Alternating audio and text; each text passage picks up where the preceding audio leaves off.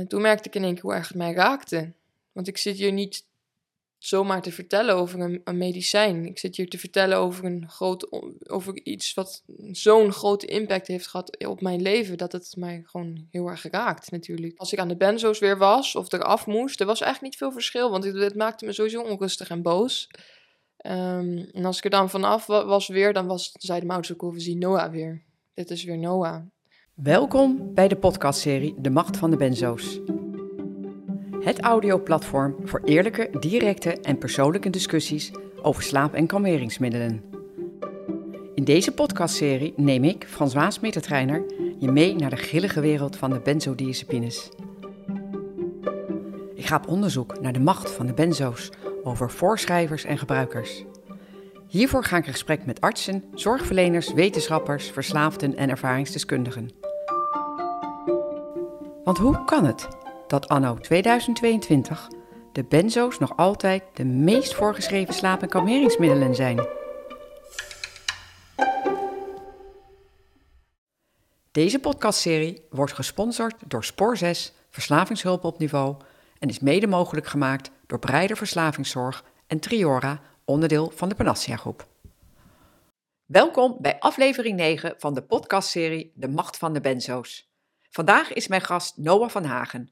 Noah is oprichter en manager van Steunpunt Avalon, bestuurder bij Transformers in de jeugdzorg en vanuit haar eigen onderneming De Jeugd Zorgt adviseert zij jeugdzorgorganisaties, overheids- en onderwijsinstellingen. Verder geeft zij lezingen over nieuwe zorg. Welkom, Noah. Dankjewel, fijn om hier te zijn. Je bent een heel ondernemend type, zie ik. Een echte actieradius. Inmiddels een succesvolle sociaal ondernemer in de jeugdzorg en onderwijs. Vertel mij, waar komt die drive en passie vandaan om andere kinderen in de jeugdzorg te helpen? Ja, het is een beetje een cliché, uh, maar ik heb zelf heel veel meegemaakt uh, in mijn uh, jonge leven. Ik ben 22. Um, ik heb zelf te maken gehad met, met jeugdzorg, jeugd GGZ. En um, ja, zo heb ik echt mijn drive, mijn missie ge van gemaakt om, om, om dingen te verbeteren in de zorg voor, voor kinderen. Ja, Jij benaderde mij via LinkedIn. Klopt. Een heel mooi berichtje, mag ik dat even oplezen? Ja, dat jij mij schreef? Ja hoor. Met veel interesse en herkenning heb ik inmiddels al drie van jouw podcasts geluisterd. Wat doe je dat onwijs knap? Rake vragen en je hebt een fijne stem om naar te luisteren. Zo goed dat er eindelijk aandacht komt voor de letterlijke macht van de benzo's. Goede titel ook. Ik kom graag met je in contact. Mijn verslavingsverleden is groot en complex mede vanwege de benzo's die ik in hoge doseringen voorgeschreven kreeg. Ze veranderden mij als mens, inmiddels al een tijd clean, na vele opnames binnen en buiten Nederland. Wauw. Noah, kan je iets korts vertellen over jouw verslavingsverleden? Ja, ik, uh, nou, ik ben dus verslaafd en in herstel. Um, ik uh, ben uh, op mijn zestiende voor het eerst naar een, een afkeerkliniek gegaan. Vrij jong, zou je kunnen zeggen. En sindsdien heb ik eigenlijk een hele ja, reeks aan opnames nog gehad. Binnen en buiten Nederland. Dat is het even het kort. Ja. En wat, waar gingen de benzo's, wanneer gingen de benzo's een rol spelen? Want jij reageerde natuurlijk meteen van, wauw, eindelijk komt er aandacht ook voor de benzo's. Welke rol speelden ze voor jou en wanneer kreeg jij ze toen voorgeschreven? Ja, supergoed ook uh, dat, uh, dat, dat, dat jij hiermee bezig bent. Dat schreef ik natuurlijk al even in mijn bericht. Maar uh, ik vind het zo belangrijk dat hier aandacht voor komt. En um, ik, ik heb veel lezingen al gegeven en ik, ik maak veel dingen bespreekbaar in de zorg. Um, maar de benzo's, moet ik eerlijk zeggen, daar ben ik toch een tijdje van weggebleven. En misschien niet eens zo bewust, maar het is heel mooi dat hier aandacht voor komt. En op jouw vraag wanneer de benzo's een rol gingen spelen in mijn... Um, ja, in mijn leven was voor het eerst, nou eigenlijk al eerder, ik wou zeggen in de verslavingskliniek. Uh, maar toen ik 12, 13 jaar was, kreeg ik van de huisarts al uh, benzo's voorgeschreven. En waarvoor? Uh, omdat ik uh, niet goed kon slapen en omdat ik depressief was. Ik kreeg ook antidepressiva. Dus vrij jong al, ja. Jeetje, en welke benzo's kreeg je toen destijds voorgeschreven? Volgens mij was dat thema Zepam. Maar ehm, ja, voor mij maakt het eigenlijk niet zoveel verschil. Alles wat eindigt op PAM is, uh, ja, heeft, had voor mij hetzelfde effect. Ja. ja. Ga terug naar de verslavingszorg. Daar werden ze verstrekt ook. En Klopt. Hoe, hoe oud was je toen? 16. Ja. Ja, dus ehm, ik, eh, ik ging afkicken op mijn 16e. En eh, dat, eh, dat was zo'n zware detox, lichamelijk ook. eh, maar ook mentaal. En dat had ook echt te maken met die benzo's. En joh, het ging helemaal niet alleen om die benzo's natuurlijk. Er speelde op dat moment veel meer. Dat moet ik er gewoon bij zeggen. Het was een hele ingewikkelde en moeilijke tijd. Waarin allerlei dingen invloed hadden eh, op hoe het met mij ging. Maar die benzo's hebben zeker niet meegeholpen aan het eh, herstellen, zeg Nee. maar. Want wat deden ze met jou? Ja, ik werd echt gewoon gek. En Leg, leg eens uit, dus het, het paradoxale het effect. paradoxale effect, ja, het, het werkte bij mij tegengesteld. Dus ik kreeg het om rustig te worden. Ik kreeg het in eerste instantie om eh, mij te helpen met de alcoholontwenning, want ik ben aan alcoholverslaafd. Ehm, en en nou, ik kreeg zo 100 milligram per dag. Ik weet niet meer precies wat het was. Oxazepam, lorazepam, diazepam, temazepam. Ik denk een combinatie van die vier. Ja? Ehm, ja, daar, daar, daar begon het mee in de detox. Dus ik, eh, ik ben daar ook niet lang geweest door, want het duurde niet lang voordat ik echt helemaal mijn verstand begon te verliezen en ook heel boos kon worden. Ik, eh, ik reageerde, dus dat was bij mij het paradoxale effect. Ik werd niet rustig, maar ik werd boos. En ik werd heel eh, rusteloos en ehm, ja, Je stuurde mij namelijk een filmpje ook. Je zei, joh, kijk eens, ik stuur je een filmpje hoe ik was op een gegeven moment. Maar toen zat je niet in een verslavingskliniek. Toen, Ja, wel. waar, ook? ja, dat was daar. Oké, en wat kreeg je? Je ziet daar helemaal echt, je ziet dat je volledig ge- gedrogeerd bent eigenlijk. Ja. Wat gaven ze jou toen? Nou ja, dat. Dus, dus al die, die, die, die benzo's. Maar daarnaast kreeg ik ook Seroquel, dus ketiapine, eh Medikinet. Nou, dat was dan het enige wat me wel echt goed hielp hoor. Eh, Haldol, Akineton. Nou, een hele cocktail eigenlijk van, eh, van medicijnen. En kon je zelf weigeren? Vond je ook dat het hielp? Eh, of het hielp vind ik een moeilijke vraag. Ik ben tot nu toe nog niet erachter eh, op het antwoord of er ook nog andere manieren zijn om te lichamelijk te ontwennen van alcohol. Omdat nou, algemeen bekend is dat als je gaat stoppen met drinken, terwijl je echt lichamelijk afhankelijk bent, dat dat ook gevaarlijk eh, kan zijn. Ehm, dus ja, dat vind ik heel moeilijk om daar iets over te zeggen, want ik weet gewoon niet wat voor manieren daar nog meer voor zijn. Ik heb het nog niet ontdekt. En eh, de mensen bij waar ik ging afkicken ook nog niet duidelijk. Ehm, ja, In ons telefoongesprek, eh, in ons voorgesprek dat we hadden, eh, vertelde jij mij ook, en volgens mij heb ik dat ook gehoord in, in de podcast die samen met jou opgenomen is over de transformers in de jeugdzorg. En daar vertelde je ook dat je dus ook andere kinderen echt volledig gek zag gaan met die benzo's. Kan je daar iets over vertellen? Ja, nu zijn we inmiddels al wel uit de detox hoor, bij in het verhaal. Ja? Ik ben, eh, even voor de, voor de context, ik ben eh, vrij snel overgeplaatst naar een psychiatrische kinder- en jeugdafdeling. Ehm, daar is het voor mij eigenlijk echt nog meer misgegaan. En daar zag ik ook de effecten op de andere kinderen. Hoe die, eh, ja, jij noemt het dan gek worden. Ja, zo noem ik het eigenlijk ook. ja, hoe die... ehm, Nou, ik zei net al even tegen jou, je had dan doseringstijden. ehm, waarin je dus je medicijnen kreeg. En ehm, je kon de klok erop zetten, een half uur, een uur voordat die tijd eh, er weer was. Dus bijvoorbeeld 8 uur, 2 uur, 6 uur, 10 uur. Nou, dat zijn dan een aantal doseringstijden.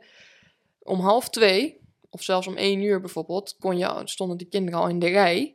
En sommigen gingen echt met hun hoofd tegen de muur slaan. En eh, ja, die werden gewoon helemaal eh, onrustig en gek. Omdat, ze, omdat het tijd was voor een volgende dosering. Zo verslavend werkte het. En dat, gaat trouwens, dat ging trouwens niet alleen om de benzo's hoor. Ik wil niet al die andere medicijnen die worden voorgeschreven in de psychiatrie, kinder- en jeugdpsychiatrie, daaraan, daaraan eh, onderdoen. Of hoe zeg je dat? Want die hadden ook een enorme impact op het gedrag van, eh, van kinderen. Ja, En jij vroeg trouwens net of je mocht weigeren. Dat, hangt, dat hing er vanaf. Hè. Ik had dan een, een machtiging, dus ik was er geplaatst vanuit de rechter, omdat ze vonden dat ik een, eh, een gevaar was voor mezelf. Dan mag je niet weigeren. nee. Nee, dan eh, wordt het eh, geïnjecteerd zelfs als je dus niet meewerkt. En dat is wat ik, wat ik heb meegemaakt. Dat, ehm, ik, ik wilde die medicijnen niet. Want ik, ik, ik voelde aan alles dat het niet goed voor mij was. En dat zeiden mijn ouders ook van... stop hiermee, geef haar die medicijnen niet, want het gaat niet goed. Ja, en dan had ik er gewoon niks over te zeggen. En dan werd je gewoon uh, gefixeerd. En, En, en eh, wat zeiden zij dan? Ook als je ouders er iets van zeiden. Ja, ik denk dat de mensen heel machteloos waren van Zwazen. Ik denk dat de mensen niet beter wisten hoe het anders kon. En ehm, ik geloof ook heus wel dat deze mensen dat. Tenminste, ik mag, mag hopen dat ik ervan uit kan gaan dat dit niet ehm, doelbewust zo is ge- gegaan. Ehm, maar ja, ze hebben niet goed geluisterd, denk ik, toch naar eh, wat mijn ouders en wat, wat, wat ik zelf aangaf. Want uiteindelijk hebben ze dat dus wel gedaan, omdat het gewoon, ja, het escaleerde gewoon elke dag. Ja. Is het standaard protocol dat ze, dat ze benzo's geven binnen de jeugdzorg GGZ?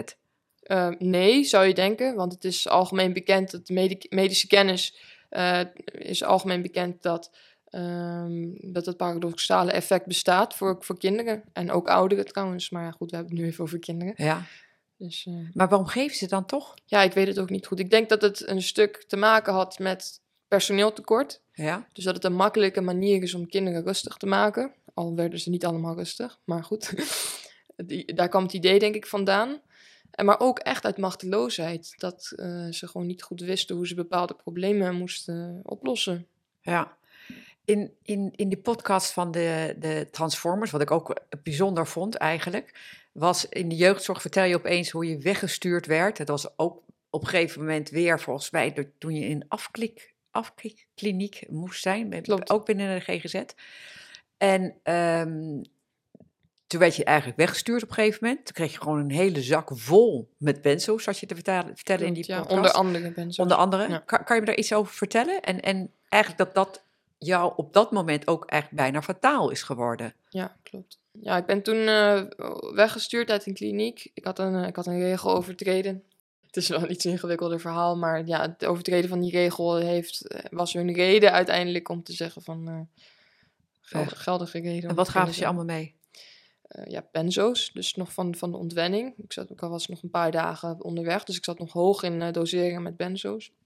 Waar, waar moet ik aan denken? Wat ja, voor benzo's kreeg je? Diazepam of zo. Ja, Ja? ik weet het niet meer precies hoor. Maar ook uh, Silkwel, hoge doseringen Silkwel, Medikinet. Ja, wat ik net zei, eigenlijk gewoon uh, een hele cocktail, een hele tas vol voor een week. Een tas is ook overdreven, maar het was wel een flinke uh, apothekerstasje vol met, uh, met medicijnen. Ja. Met het idee van, nou, dan kun je zelf verder ontwennen. Kun je het zelf verder doen. Maar ja, dat, zover ben ik nooit gekomen. Nee, want dat Een gebeurt. paar uur later lag ik in het ziekenhuis. Met Je een hebt gewoon de hele boel gelijk uh, naar binnen Ja, maar ik stond daar op straat. Ik dacht, het komt niet meer goed met mij. Wat, wat moet ik nu? Ik wist het niet meer. Jezus, ja. En wat gebeurde er daarna? Wat, toen je eenmaal uit het ziekenhuis kwam, was je toen wel al op een gegeven moment... Hoe, hoe... Ja, toen moest ik weer opnieuw gaan ontwennen, want ik was ook teruggevallen weer met, met, het, met de alcohol. Ik had de alcohol gecombineerd met al die medicijnen. Toen heb ik volgens mij twee dagen ben ik in het ziekenhuis geweest. In het ziekenhuis gelegen. Heel slecht gelegen. En um, ja, toen ben ik naar een kliniek in Schotland gegaan. Dat is de korte versie. En sindsdien gaat het heel goed met mij. Ja. Dus, um, en in die kliniek in Schotland, hoe, hoe verschilde dat dan eigenlijk met... Wat, waarom helemaal naar, naar Schotland? Nou, ik had alles in Nederland wel gehad. Ik heb uh, 14 opnames gehad. Zo even uit mijn hoofd. En uh, voor mij, dit, dit, was het laatste wat Nederland mij nog kon bieden aan, aan zorg. En um, ik, uh, ik hoorde van, uh, van andere mensen dat, dat er een hele goede kliniek in Schotland was. Ik twijfelde nog tussen Zuid-Afrika en Schotland. Al moet ik zeggen, ik had niet echt die luxe om echt te twijfelen. Want ik moest gewoon zo snel mogelijk naar een kliniek. En toen kon ik, uh, mocht ik naar Schotland, naar een, een afkikkasteel. Ja. Hoe was dat in, uh, in Schotland? Verstrekten ze toen ook benzo's om mensen te helpen verder te ontwennen? Nee. Nou, dat weet ik niet, want ik was al ontwend. Ja? Maar wat ik wel wist, dat als je echt in het kasteel kwam, je had dan, um, ja, ik noemde het een soort van psychwoord. Dat was ook heel ouderwets uh, Schots uh, afdelingje, echt een medische afdeling. Misschien dat, ik denk trouwens dat ze daar wel nog verder afbouwden, maar daar was je dan echt een week hooguit. En dan ging je naar het kasteel en als je eenmaal in het kasteel was, dan werden er gewoon geen enkele medicijnen voorgeschreven. Want dat was gewoon, zij zijn inmiddels zo ver met hun kennis, dat ze weten dat verslaafden helemaal niet goed gaan op um, benzo's, maar ook andere verdovende middelen. Want zo mag je het zeker noemen. Ja. Al die medicijnen die ik net opnoemde. Ja, want wat deden de benzo's eigenlijk voor jouzelf? Nou, als, je, als ik benzo's nam, dan had ik gewoon het gevoel alsof ik er helemaal niet meer was. Gewoon alsof je verdampte. Gewoon. Terwijl ik er ook heel boos van kan worden. Maar dat had dan denk ik ook te maken met stukje ontwennen weer van de benzo's, want benzo's zijn verslavend, dat is algemeen bekend. Ehm, dat daar die onrust vandaan kwam, dat ik eigenlijk nooit genoeg had. Ja. En hoe ging dan het ontwennen van de benzo's? Want uiteindelijk moet je natuurlijk ook weer van de benzo's afkomen. Want Ja, je was ook verslaafd aan de benzo's. Ja, ik was zeker verslaafd aan de benzo's. Ja, Hoe was dat proces voor jou? ja vreselijk. Echt verschrikkelijk. Maar vertel eens even, wat, wat, wel, wel, wat voor soort ontwenningsverschijnselen kreeg jij? En wist je dat ze van de benzo's kwamen? Ja, dat was duidelijk. Als, ik aan die, als, ik dat, als dat gebeurde, eh, als ik aan de benzo's weer was of eraf moest, er was eigenlijk niet veel verschil, want het, maakte me sowieso onrustig en boos.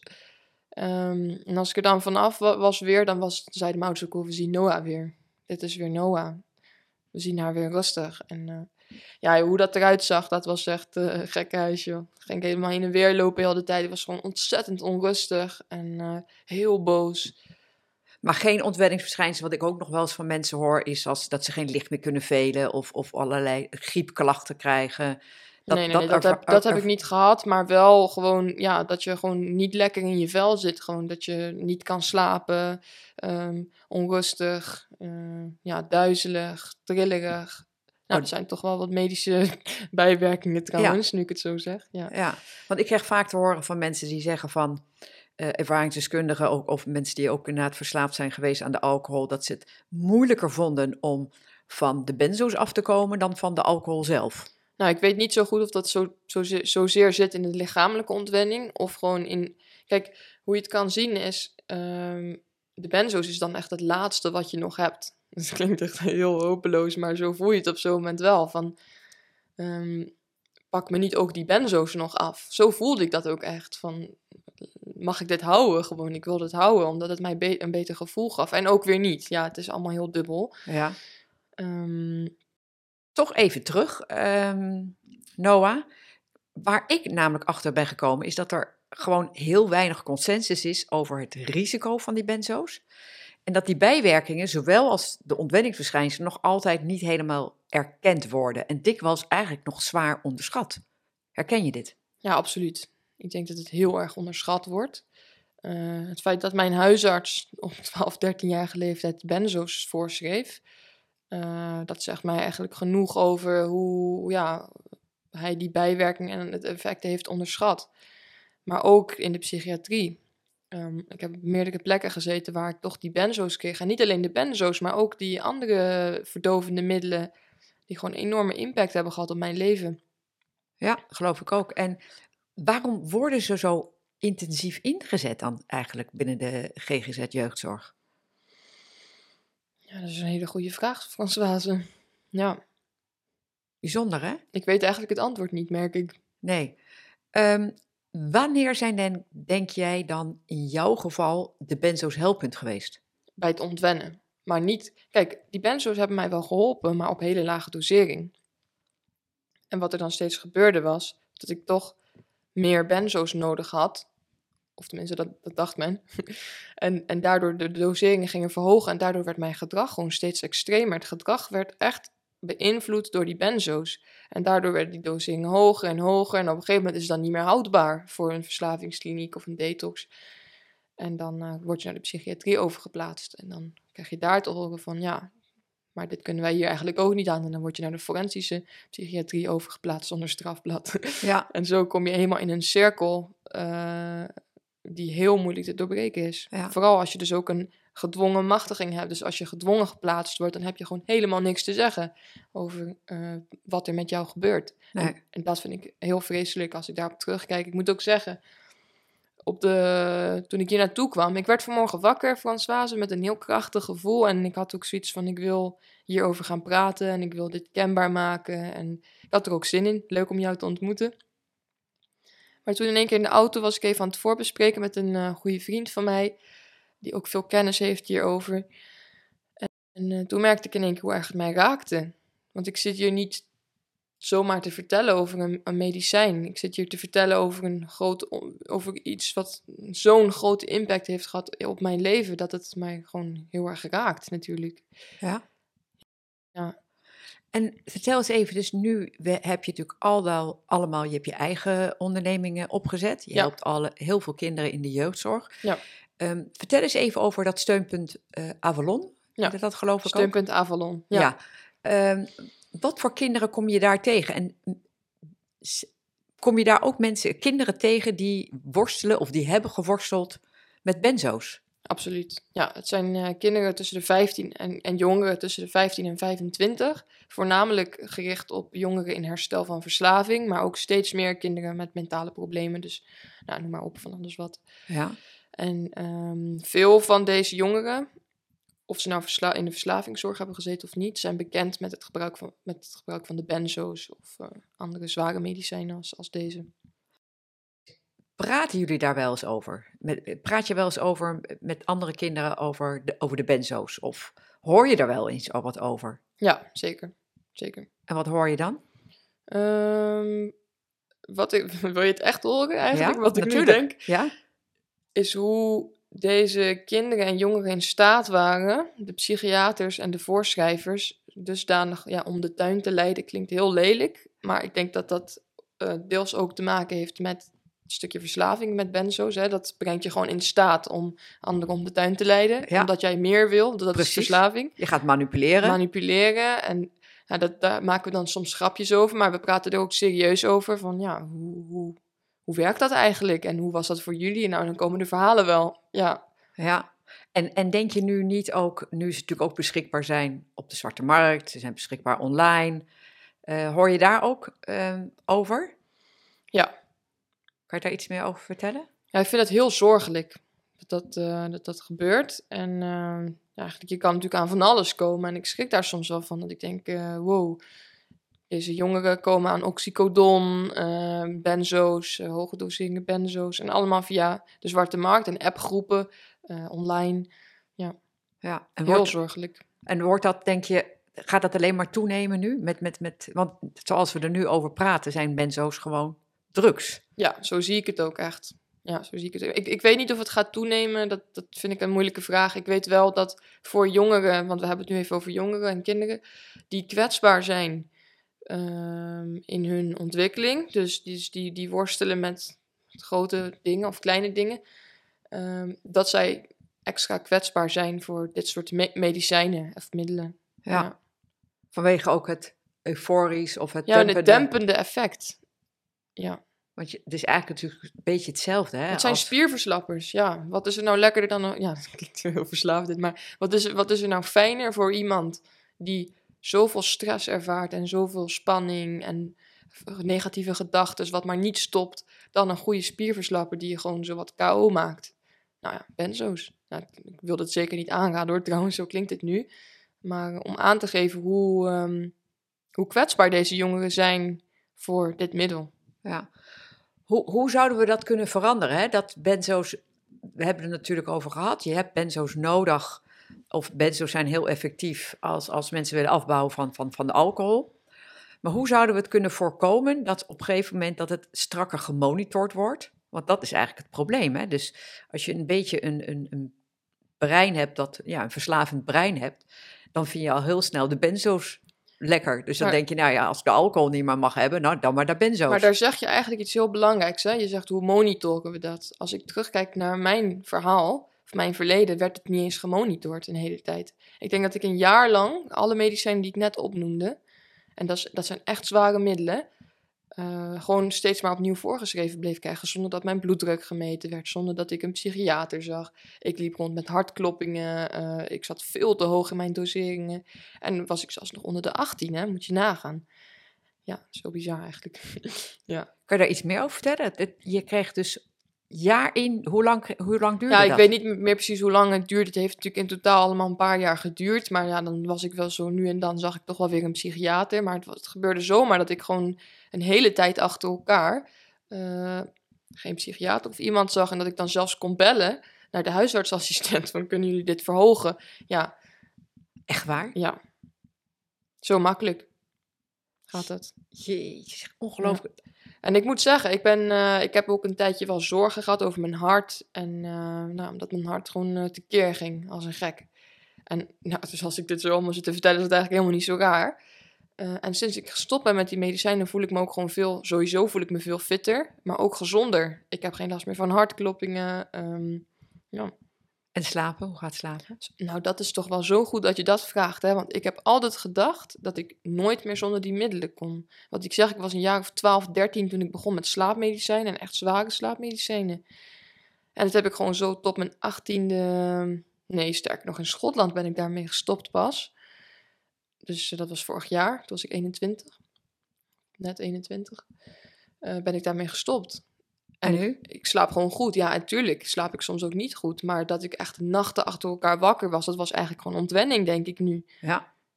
Ja. Wat dat- heerlijk dat je dat, dat Fijn, ook hè? weer terug hebt, hè? Ja, maar het is, het is gekmakend als je niet kan slapen, echt. Ja. Het is gekmakend. Dus het is ook heel fijn dat ik nu gewoon goed slaap. En ook dat vertrouwen in mezelf heb van ik kan slapen zonder die medicijnen. Ja.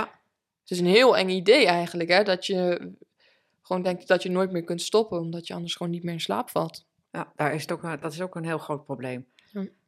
Je geeft ook lezingen hè, over nieuwe zorg. Klopt. Wat vertel je dan eigenlijk allemaal? Ehm, nou, ik kom dan in het onderwijs of in, in, in de jeugdzorg, gesloten jeugdzorg, maar ook de open jeugdzorg. Ehm, en ik eh, noem het onderwijs hier ook in, omdat ik geloof dat onderwijs een hele belangrijke rol heeft in de ontwikkeling van deze, überhaupt van kinderen. Niet alleen van deze kinderen natuurlijk. Want je hoopt het eigenlijk voor te zijn dat kinderen zo diep komen dat ze in de gesloten jeugdzorg terechtkomen. En waar ik dan over vertel, ja, thema's die ik heel belangrijk vind. ehm, ik probeer bewustwording te creëren en dat, dat probeer ik op een verbindende manier te doen. Want ik geloof niet in ehm, zeggen tegen mensen dat ze het verkeerd doen. Eh, of dat ze kinderen beschadigen, wat echt nog wel gebeurt. Maar ik geloof niet dat dat eh, verandering brengt. Ik, ik kijk veel liever samen met deze mensen in, in teamvorm of eh, nou ja, in, in congresvorm. Dus dat is dan vaak het grotere publiek. Eh, wat zijn nou de, hoe kun je nou het verschil maken als hulpverlener, als professional? Wat, wat is de behoefte van deze kinderen en jongeren? En hoe geven we daar vorm in? En hoe ziet die nieuwe zorg er dan uit? Nou, in het kort, ik geloof niet in het ombouwen van de jeugdzorg. Ik geloof wel in een hele nieuwe vorm van, van jeugdzorg. Waarin er echt veel meer aandacht is ook voor eh, ontwikkeling, persoonlijke ontwikkeling. eh, praten over emoties. En dat dat eigenlijk op school al zou moeten gebeuren, vind ik. Ja. Eh, en nu is school natuurlijk helemaal niet gericht op persoonlijke ontwikkeling, maar veel meer, of ja, eigenlijk ik kan zelf zeggen, alleen op het lesgeven en Chinese steden leren, die Ja. je niet eens kan uitspreken. Tijdens die lezingen heb je het dan ook wel eens over... eh, want ik neem aan dat jij ook dus nu vanuit jouw eigen ervaring doorgeeft... van wat, wat al die medicijnen met jullie doet. Ja. Is daar ooit een discussie over? Nou, ik, ik moet zeggen, ik richt me eigenlijk niet zo heel erg op die medicijnen. Dat, daarom vind ik het zo leuk om in deze podcast mee te doen. Eh, wat ik wel een hele tijd heb gedaan, als ik dan een lezing gaf, eh, en wat dan ging over verslaving. Als het ging over verslaving, dan begon ik mijn lezing met dat filmpje die ik jou ook stuurde, waarin ik gewoon helemaal gedrogeerd eh, nou, erbij zat. En eh, dat deed ik dan. Daar ben ik nu mee gestopt. Ik geef mijn lezingen anders vorm, maar dat heb ik een hele tijd gedaan omdat ik eh, wilde beginnen met de zaal raken. En hun nieuwsgierig maken naar, wow, wie is dat kind? Want als ze mij zien op dat podium, zien ze een heel ander persoon. Ja. En dat is precies ook een onderdeel van mijn eh, verhaal. En, wat, natuurlijk. en wat krijg je dan nooit vragen uit de Ja, zaal? heel Van veel. wat is daar gebeurd? Precies, dat is vaak de eerste vraag van, wow. En wat, wat, wat zeg jij dan? Het is jammer dat de luisteraar dat filmpje niet, eh hier niet Nee hoor, dat zien. is zeker niet jammer. Die staat ook nergens op het internet, dus we hoeven ook niet te Oh, zoeken. Oké, dat is in ieder geval Het heel fijn. echt een Maar- vreselijk filmpje eigenlijk hoor, ja. Maar het is natuurlijk wel heel triest. Heel. En, en wat, wat antwoord jij dan? Wat zeggen mensen, wat is hier gebeurd? Wat, vertel je dan ook echt het verhaal? Dan begin ik wel ook echt over die benzo's en over hoe dat, dat para- paradoxale effect op mij heeft eh, gewerkt. Ja, zeker. En krijg je daar ooit reacties dan ook op? Van Ja, mensen die daar in de jeugdzorg werken? Ik, heb, eh, ik maak regelmatig mee dat mensen ook helemaal emotioneel ervan worden. En eh, daar ben ik niet zozeer op uit. Maar wat ik wel mooi daarvan vind, is dat mensen tot een soort inzicht komen. En wat ze dan ook letterlijk tegen mij zeggen is... Noah, ik heb nooit geweten dat wat ik al die jaren heb gedaan, dat dat zo schadelijk was. Daar doe ik het eigenlijk voor. Jeetje. Onder andere. Dat vind ik super mooi. Als daar, kijk, want dat is het begin van een nieuw gesprek, snap je? Ja. Ja. Dus ehm, hoe dan wel is dan vaak de volgende vraag. En daar praat ik heel graag eh, dan over door. Ja. Dan als laatste, Noah, even terug naar die mooie organisatie Steunpunt Avalon die je hebt opgezet. Waar we het even eerder over hebben gehad in deze podcast. Kan je aan de luisteraar hier iets meer over vertellen? Ja, Steunpunt Avalon is een, een plek waar jongeren elkaar ontmoeten. Heel laagdrempelig, informeel, na vijf uur in het weekend, onder andere. Dat zijn hele belangrijke uh, dingen, denk ik. Want uh, nou, er zijn gewoon eigenlijk, voor zover ik weet, hè, excuseer me als ik het fout heb, maar zijn er weinig plekken in Nederland waar jongeren terecht kunnen na vijf uur. Um, terwijl ja, crisis en moeilijkheden hebben geen, kennen geen tijd. Sterker nog, in de avonden gaat het vaker mis met deze kinderen dan uh, overdag, als wij als zorgprofessionals beschikbaar zijn. Beschikbaar zijn. En wat deze plek denk ik heel uh, uniek maakt, is, uh, of heel, heel nodig maakt. Dus we hebben een prachtige locatie ter onze beschikking met een fitness, een grote horecakeuken, een bakkerij, een chillruimte met een tv. Weet je, er is gewoon van alles te doen. Een muziekstudio. Dus jongeren hebben gewoon, die kunnen daar gewoon komen. Twee avonden in de week. Dat is gratis. Er zijn ook geen wachtlijsten. Dus niks wat ze dan verder nog weer houdt. Um, en daar ontmoeten ze andere jongeren die al verder in het proces zijn. Of die er nog middenin zitten. En dat zorgt gewoon voor een, zodra die sfeer heel veilig blijft. Hè, dat is iets waar ik heel erg uh, bewust van ben. En ook heel hard voor werk. Om die, uh, die groepsveiligheid te behouden. Zie je dat jongeren elkaar ook gaan helpen op een goede manier. En uh, daar, zijn, daar komen helemaal geen zorgprofessionals bij uh, te pas. Nee. Hoe zeg je dat? Ja. En, en waar, waar, halen jullie dan de financiering vandaan? Ik heb een heel leuk filmpje ik gezien. Ik heb een goed netwerk, laat ik het zo zeggen. Oh, echt waar? Ja. Ik, uh, ik doe heel veel regelen gewoon via mijn netwerk. En ja, ik heb ook een sponsor. En hoe komen kinderen in, zeg maar, door heel Nederland achter waar kunnen ze het steunpunt vinden? Het, het steunpunt bevindt zich in Den Haag. Dat is ja. trouwens een hele goede van jou uh, in Moerwijk. Um, ja, maar er komen ook jongeren uit Dordrecht, Utrecht, Gouda, Rotterdam. Omdat het dus een plek is uh, nou, waar de jongeren graag komen en uh, waar ze ook kunnen ontspannen. Kijk, bijvoorbeeld wat je gewoon merkt als je als jongere uit een instelling komt, uit een, vooral uit een verslavingskliniek. Het leven van jouw leeftijdsgenoten is al die tijd doorgegaan. Terwijl jij ja, afgesloten hebt geleefd van de maatschappij. Ja. Vooral dan jongeren die echt langdurig in de gesloten jeugdzorg hebben, uh, hebben gezeten. Zie je dat zij gewoon veel moeite hebben om weer mee te komen in die maatschappij. En ik denk dat het steunpunt daar ook een goede hulp voor kan zijn. En um, ja, in contact komen met andere kinderen die hetzelfde hebben meegemaakt of nog doormaken. Daar zit de kracht. Ja. Nog één laatste vraag, Noah. Kunnen we de macht van de benzo's nog doorbreken? Goeie vraag. Ik denk dat we dat kunnen. Maar de vraag kan ook zijn: kunnen we de macht van de voorschrijvers doorbreken? Want ik denk dat de, de voorschrijvers hier een hele grote rol hebben in, in, in de macht van de benzo's. En natuurlijk heb je dan nog uh, de, de, de, onderwereld waar het allemaal zo makkelijk verkrijgbaar is. Maar de voorschrijvers, dan heb ik het over huisartsen, psychiaters, die hebben een hele grote rol in, in de benzo's. Hè? En um, ik, uh, ik hoop dat er een stukje extra bewustwording kan komen over de risico's van, van dit middel. Ja. Ontzettend mooi om jouw uh, verhaal uh, hier te horen en dat je bereid bent geweest om jouw ervaringen te delen, met name met betrekking ook tot de benzo's en wat, wat, wat deze medicijnen met jou hebben gedaan.